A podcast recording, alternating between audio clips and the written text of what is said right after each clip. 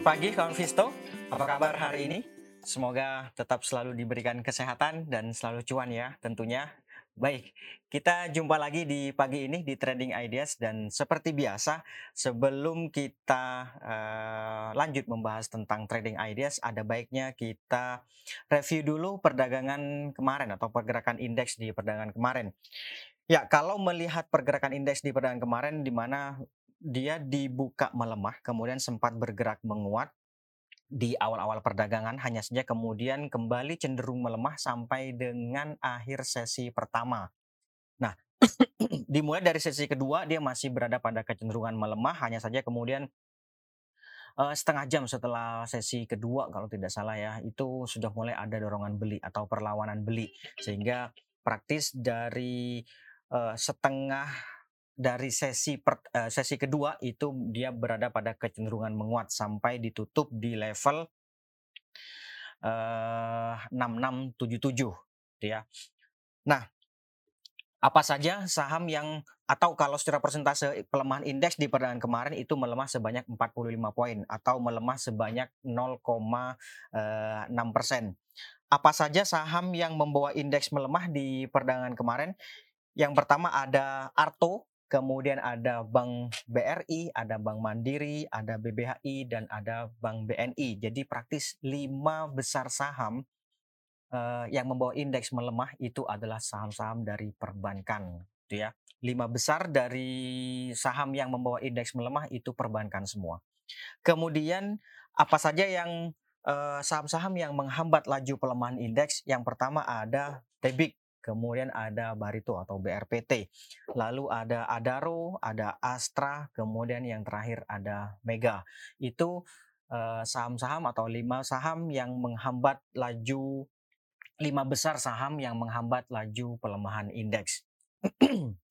kemudian bagaimana dari uh, transaksi asing sendiri di perdagangan kemarin asing asingnya itu mencatatkan net buy sebanyak 94 uh, bio. Saham apa saja yang banyak dibeli oleh asing di perdagangan kemarin?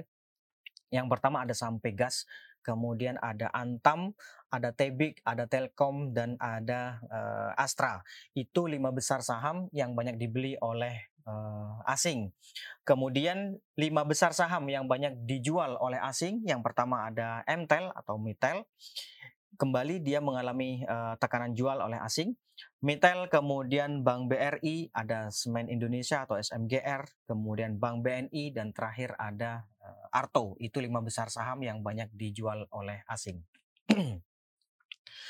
Bagaimana dengan outlook hari ini? Ya, kalau kita lihat di sini pergerakan indeks di perdagangan kemarin seperti uh, sebagaimana tadi saya sampaikan bahwa dia bergerak, dia berada pada kecenderungan melemah jadi praktis sejak awal perdagangan sampai dengan akhir sesi dia bergerak cenderung melemah meskipun muncul dorongan beli di akhir-akhir perdagangan. nah, ini saya pikir akan akan ada uh, potensi untuk melanjutkan pelemahannya. Lebih tepatnya adalah konsolidasi dan kecenderungan uh, melemah. Sebenarnya kan walaupun indeks sampai dengan uji support 6600 itu sebenarnya kan masih mengalami konsolidasi jadi kalau minor trendnya itu masih uh, up gitu ya. Tapi memang untuk hari ini saya pikir masih ada masih agak masih ada potensi untuk mengalami tekanan jual ya meskipun uh, terbatas. Diperkirakan hari ini indeks akan bergerak fluktuatif dan kecenderungan melemah terbatas, ring pergerakan antara 6630 sampai dengan 6720. 6630 itu di kisaran sini kawan. 6630 sampai dengan 6600 lah, kurang lebih seperti itu ya. Oke, itu untuk indeksnya. Kemudian ide trading yang pertama, uh, kalau ada ide trading boleh langsung disampaikan ya, karena ini delay nanti takutnya nggak kebaca. Yang pertama ada Akra. Akra saya pikir cukup menarik. ya, ini Akra kemarin dia malah mampu di YouTube menguat, tampaknya juga mencoba untuk bertahan di atas uh, support level yang ada di 4130 di sini ya, yang dekatnya. Jadi oh sorry, di 4000 di 4050 mencoba bertahan di atas 4050 saya pikir ada peluang untuk melanjutkan penguatannya. Boleh dipertimbangkan ini untuk spekulatif buy saya pikir boleh di 41 atau 4130 sampai dengan 4170 itu kalau mau spekulatif buy. Tapi kalau mau buy on witness boleh dipertimbangkan di 41 sampai dengan 4130 atau 4150-an itu nanti target take profitnya di 4270 di kisaran sini kawan. 4270 sampai dengan 4370 4370 di daerah sinilah kira-kira. Itu ya. Kalau melihat bullish crossover yang terjadi pada stokastik ini, saya pikir ada peluang untuk uh, melanjutkan penguatannya gitu ya. Stop loss nanti kalau harga melemah sampai di bawah 4050, kira-kira di bawah sini kawan. Itu ya. Oke, itu untuk uh, Akra. Berikutnya ada Dinar. Wih, Dinar. Oke. Dinar kemarin ditutup melemah, tampaknya dia belum mampu untuk bertahan di atas EMA 50. Ini kan sekaligus mengakhiri ada potensi mengakhiri konsolidasi yang terjadi selama lebih dari sepekan terakhir, gitu ya. Jadi pelemahan di bawah sini, di bawah berapa ini? Di bawah 272 ya. Pelemahan di bawah 272 itu berpotensi untuk berlanjut menuju support level yang ada di 250. Maka idealnya adalah buy on weakness boleh sih ini buy on witness di 250. Situ boleh. 250 sampai dengan saya pikir 254 250 sampai 254 boleh dipertimbangkan buy on witness di level-level itu. Kalau dapat harga di 250, saran saya boleh dipertimbangkan uh, take profitnya di 274. 274 di kisaran sini kawan. Oke. Okay. 274 kemudian di atasnya ada 286 berikutnya ada 296. Jadi resisten level terdekatnya untuk dinar ini adalah tadi 274, kemudian 286, di atasnya 296 di sini. Artinya uh, memang benar bahwa idealnya adalah buy on weakness, boleh di 250 sampai 254. Tapi kalau hari ini dia bergerak menguat sampai di atas 274, boleh juga dipertimbangkan untuk spekulatif buy. Itu ya. Oke, itu untuk dinar. Berikutnya ada kabak. Kabak. Sebentar. ya, kemarin kabak juga sudah bergerak di atas uh, resistance level ini 96, 100, kemudian 105. Saya pikir kalau melihat uh, pergerakan ini saya khawatirnya akan kembali terjadi uh, koreksi jangka pendek. Jadi sehari dia ini sehari dia menguat long white candle kemudian uh, mengalami black candle menguat lagi, black candle lagi seperti ini. Maka saran saya sih boleh dipertimbangkan untuk uh, lihat nanti openingnya. Kalau openingnya dia misalnya 105 sama dengan kemarin, kemudian bergerak melemah, mending buy on weakness. Buy on weaknessnya di berapa? Saya pikir di level sini cukup sih. 96, 98. Idealnya di situ ya, 96 sampai 98 buy on weaknessnya. Tuh. Kalau harga bergerak menguat, Sebentar. Saya kasih garis saja. Ini dia. Resistance levelnya di sini. Oh, nggak kelihatan ya? Oke, oke. Sebentar. Nah, ini dia. Resist terdekatnya itu ada di 115 sampai dengan 125. Jadi atau 100 uh, 126. Jadi kalau misalnya dibuka menguat uh, sorry dibuka di 105 kemudian bergerak menguat saya pikir bisa dipertimbangkan uh, spekulatif buy. Terdekatnya 110 kemudian 115 ya 115 ini cukup kuat sih. Gitu. Tapi sekali lagi idealnya ini adalah buy on weakness gitu ya. Itu untuk kabak jangan lupa bahwa saham ini adalah barbar cukup barbar. Jadi pergerakannya uh, bisa 5 poin naik 5 poin langsung turun naik lagi 5 poin gitu ya. Nggak bisa ditinggal ini jadi harus tetap dipantau. Tinggal ke toilet sudah berubah harga nanti. Oke, itu untuk uh, kabak. Berikutnya ada lagi Saratoga. SRTG. Ya, SRTG ini uh, uptrend setidaknya Sebentar, saya kasih garis dulu. Nah, ini majornya. Tapi kalau uh, minornya, ini dia minornya ya. Ini minor uptrend, yang bawah adalah major uptrend. Nah, kalau melihat pergerakan harga di perdagangan kemarin, dia kan tampaknya masih mencoba untuk bertahan di atas EMA uh, 50. Sorry, EMA 20. Dan saya pikir ini ada peluang sih memang untuk melanjutkan penguatannya, tapi sekali lagi tekanan jual terjadi di akhir sesi, jadi saya pikir idealnya adalah buy on weakness. Kalau mau buy on weakness boleh dipertimbangkan di 21 180 sampai dengan 2200 saya pikir boleh coba di level-level itu gitu ya. 2180 itu di kisaran sini kawan. Atau saya kasih garis ya. Ini dia uh, 2180. 2180 sampai 2200 itu boleh sih dipertimbangkan di uh, situ untuk uh, buy on witness-nya idealnya sih memang kita nunggunya di sini nih buy on witnessnya di sini 2145 tapi in case kita nggak dapat atau dia ber, uh, apa namanya nggak nyampe ke situ gitu ya. Memang idealnya sekali lagi di 2140 sampai dengan 2180 tapi 2180 sampai 2200 pun saya pikir sih sudah boleh sih dipertimbangkan itu nanti target take profitnya di berapa? 2300 sampai dengan di sini kawan, 2340 itu paling dekat. Jadi kalau misalnya dapat harga di 2180 saya pikir boleh juga sih eh, 2300 take profit gitu ya. Tahu 2350 di atasnya di sini kawan, 2340 sorry. Itu ya. Itu untuk eh, Saratoga SRTG. Berikutnya ada lagi BBYB. PBYB. Oh, sebentar. Oke, ini dia BBYB. BBYB kembali mengalami uh, koreksi atau pelemahan.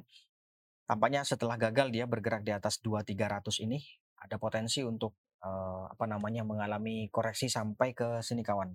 2000 paling dekat level psikologis atau di bawahnya yaitu 1955. Saya pikir kalau tertarik boleh sih dipertimbangkan untuk buy on witness di level-level itu. Boleh di level psikologis 2000 atau di bawahnya yaitu di 1925 atau sekalian nunggu nanti stokastiknya ini kan kalau melihat stokastik yang cenderung melemah ini saya pikir masih ada potensi terus melanjutkan pelemahannya. Jadi ada potensi memang ketika dia uji apa namanya level psikologis 2000 dia akan kembali uh, mengalami rebound atau setidaknya mengalami konsolidasi itu ya. Oke, itu untuk uh, BBYB. Kalau hari ini dia bergerak menguat di atas 2150 untuk BBYB ini ya. Kalau hari ini dia bergerak menguat sampai di atas 2150 atau di atas ya 2170, 2150, 170 gitu. Saya pikir boleh sih dipertimbangkan untuk ikutan lagi spekulatif buy. Nanti targetnya di sini kawan, yaitu di 2300 lagi. Gitu, ya. Oke, itu untuk uh, eh, BBYB. Kemudian berikutnya BBHI lagi BBHI. Ya kemarin dia uh, eh, ARB ya tutup di bawah. Saya pikir 7500 lewat. Berikutnya ini dia 7175 di sini kawan. Sekaligus dia klaster dengan uji uh, EMA 20. Jadi kalau tertarik untuk masuk saya pikir boleh sih 7175 uh, boleh di level itu. Atau nanti kita lihat bagaimana apakah uh, dia mampu bertahan di atas 7175 atau malah cenderung menguat di atas 7500. Nah, sekali lagi idealnya adalah buy on witness tapi kalau hari ini dia mampu menguat sampai di atas 7500 saya pikir boleh juga spekulatif buy lagi. Spekulatif buy nanti targetnya 8000. Sini. Oke. Tapi kalau bicara ideal, maka idealnya ini adalah masih uh, buy on witness karena kemarin kan sudah masih mengalami tekanan jual. Tapi nggak masalah sih. Tren sih masih oke. Okay. Gitu ya. 7175 di bawah 7175 itu berapa? Ini dia, saya kasih garis saja ya. Yang terdekat saya saya ambil dari yang terdekat. 7175 kemudian 6900 berikutnya ada uh, 6600 dan yang cukup kuat tuh di sini yaitu 6375.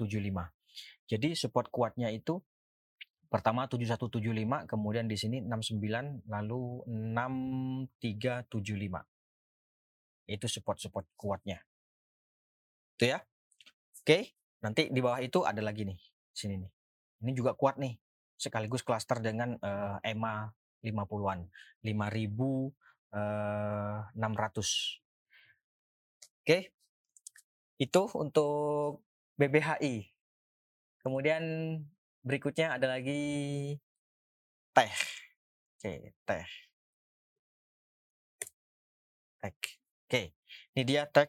Nah, kemarin dia, eee, ditutup melemah saya pikir belum merubah apa-apa, meskipun dia bergerak melemah tapi sebenarnya dia tidak, eee, tidak merubah tren gitu ya.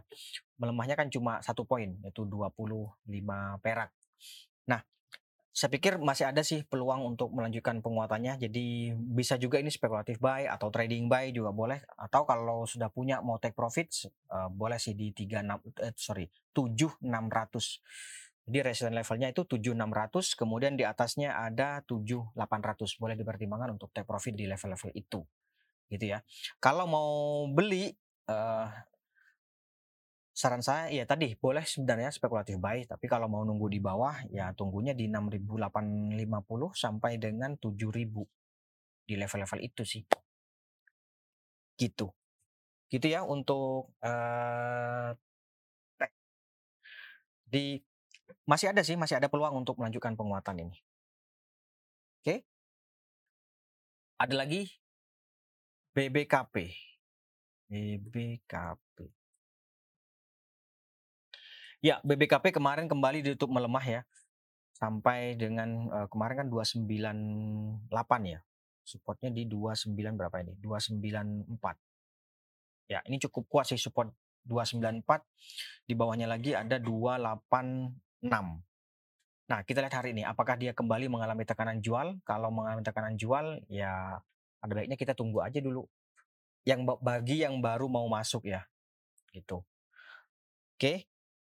Kemudian kalau yang bagi yang sudah punya, seharusnya sih kalau di bawah sini ya idealnya tentu stop loss. Kalau di bawah sini ya, di bawah berapa ini, 286 atau di bawah dua eee, iya di bawah 286 maka idealnya adalah, eee eee, keluar terlebih dahulu. Keluar terlebih dahulu. Itu. Cuman saya pikir kalau nembus red sih, eee, masih menarik sih, kalau kemarin tembus red-nya ya. Oke, itu untuk, eee, BBKP. Sebenarnya ada potensi untuk mengalami konsolidasi. Oke. Itu untuk BBKP, ada lagi. BBKP, Cepro Cepro. Cepro, ya Cepro ini sudah, eee, koreksi 2 hari mengalami koreksi, jadi kalau dia pun mengalami koreksi saya pikir wajar. Kenapa? Karena dia sudah berap berapa hari nih, lebih dari seminggu ya mengalami penguatan, eee, cukup tajam gitu ya. Kemudian support-nya di berapa? Coba kita ambil gini aja ya. Nah, ini dia, pelemahan di bawah 115 ada potensi ke 102. 102 gitu ya. Kalau masih ada yang punya, saya pikir boleh sih dipertimbangkan untuk, eee, take profit atau keluar dulu gitu ya. Oke, itu untuk Cepro, ada lagi Pegas. Pegas, oke. Pegas sebenarnya belum merubah apa-apa meskipun kemarin dia, eee, menguat 5 poin ya. Masih mengalami konsolidasi dan uji jadi resist terdekatnya 15.45 kemudian 15, eee, 65 seperti yang sebagaimana saya sampaikan, eee, sebelum-sebelumnya gitu ya. Nah, idealnya ini buy on breakout karena dia, eee, konsolidasi di atas gitu ya. Jadi buy on breakout di atas 15.60. Nah, kalau yang sudah punya, bagi yang sudah punya misalnya punya harga di bawah di 15, 15.05 kemarin-kemarin sudah masuk lah gitu ya. Kita lihat nanti 15.60 dia kuat enggak, eee, di atas itu, kalau enggak mending take profit, gitu ya. Saran saya sih kalau dia eee, saran saya sih mending take profit terlebih dahulu. Nah, kalau nanti kalau mampu menguat sampai di atas 15.60, eee, bertahan di atas 16 15.60 bisa saja, eee, ikutan, eee, spekulatif buy gitu ya. Tapi itu yang pertama. Tapi kalau mau average up juga boleh sih, nunggu di di atas 15.60. 15.60, eee, rencananya mau average up. Yang jelas kalau tren kan masih menguat ini, tren masih menguat. Jadi, eee, misalnya nih saya mau keep dulu deh karena masih ada peluang untuk, eee, melanjutkan penguatan. Jadi bahkan saya mau tambah gitu, boleh sih di atas 15, eee, 60 nanti average up-nya. Oke, itu untuk, eee Pegas di atas 1560 ini berapa sih uh, level berikutnya resisten levelnya? Nah ini dia. Ini paling dekatnya ya, yaitu di 1600 kemudian ada 1655. Gitu. Jadi di atas 1560 ada peluang untuk ke 1600 di atasnya ada lagi 1655. Itu ada lagi ada lagi Bank Danamon. Oke, Bank Danamon. Ya, Bank Danamon di perdagangan kemarin dia ditutup melemah. Sebenarnya masih mengalami uh, konsolidasi. Tampaknya mencoba untuk bertahan di atas uh, 2450 gitu ya. Support level ininya kan di sini nih, 24 uh, 50. Kalau melihat stokastik yang cenderung menguat, saya pikir sih masih ada peluang untuk melanjut untuk bergerak menguat gitu ya. Tapi idealnya memang buy on weakness yaitu di sini 24 50. 2450 sampai dengan 24 paling dekat tuh 2470 sih. Paling dekat 2470. Nanti kalau dapat harga di 2450 ya resistance levelnya di sini 2540. Take profitnya di sini. gitu. Pelemahan di bawah ini, ini yang uh, cukup dalam sih. Dua sini 370 sampai dengan 2290 gitu. Gitu ya untuk uh, Danamon. Berikutnya ada lagi ada lagi nggak kelihatan ininya nggak kelihatan di itunya nggak kelihatan Apa? Bevin. Oke, Bevin. Bevin. Ya, Bevin di perdagangan kemarin juga ditutup melemah dan tampaknya sedang uji uh, support 1000. Bisa sih, bisa sih ini uh, paling dekat 1000 ya. Jadi gini, support paling dekat itu 1000 apakah dia mampu bertahan di level itu? Saya pikir nanti kita lihat uh, apa namanya, boleh dilihat nanti bagaimana di seribu. Apakah dia mampu bertahan atau malah cenderungnya dia cenderung uh, lanjut melemah gitu ya. Kalau melihat pelemahan yang terjadi selama empat hari terakhir ini, seharusnya dia mampu bertahan, seharusnya dia mampu bertahan di atas uh, seribu ini kawan. Gitu ya. Jadi idealnya buy on witness di seribu gitu. Tapi kalau hari ini ternyata dia malah balik menguat sampai di atas 1030 atau bahkan sampai di atas 1040, saya pikir boleh juga sih dipertimbangkan untuk uh, spekulatif buy. Nanti targetnya di 1065. Gitu ya. Oke. Jadi idealnya sekali lagi dia adalah buy on weakness di uh, eh, 1000 ini. Ini support cukup kuat di 1000 ini buy on weakness di level-level itu. Tapi kalau misalnya harga mampu menguat sampai di atas 1030 bahkan di atas 1040 saya pikir boleh juga dipertimbangkan untuk uh, spekulatif buy. Nanti targetnya di 1065 kemudian di atasnya ada 1090 oke itu untuk uh, Bevin. Berikutnya ada lagi DMMX DMMX oke.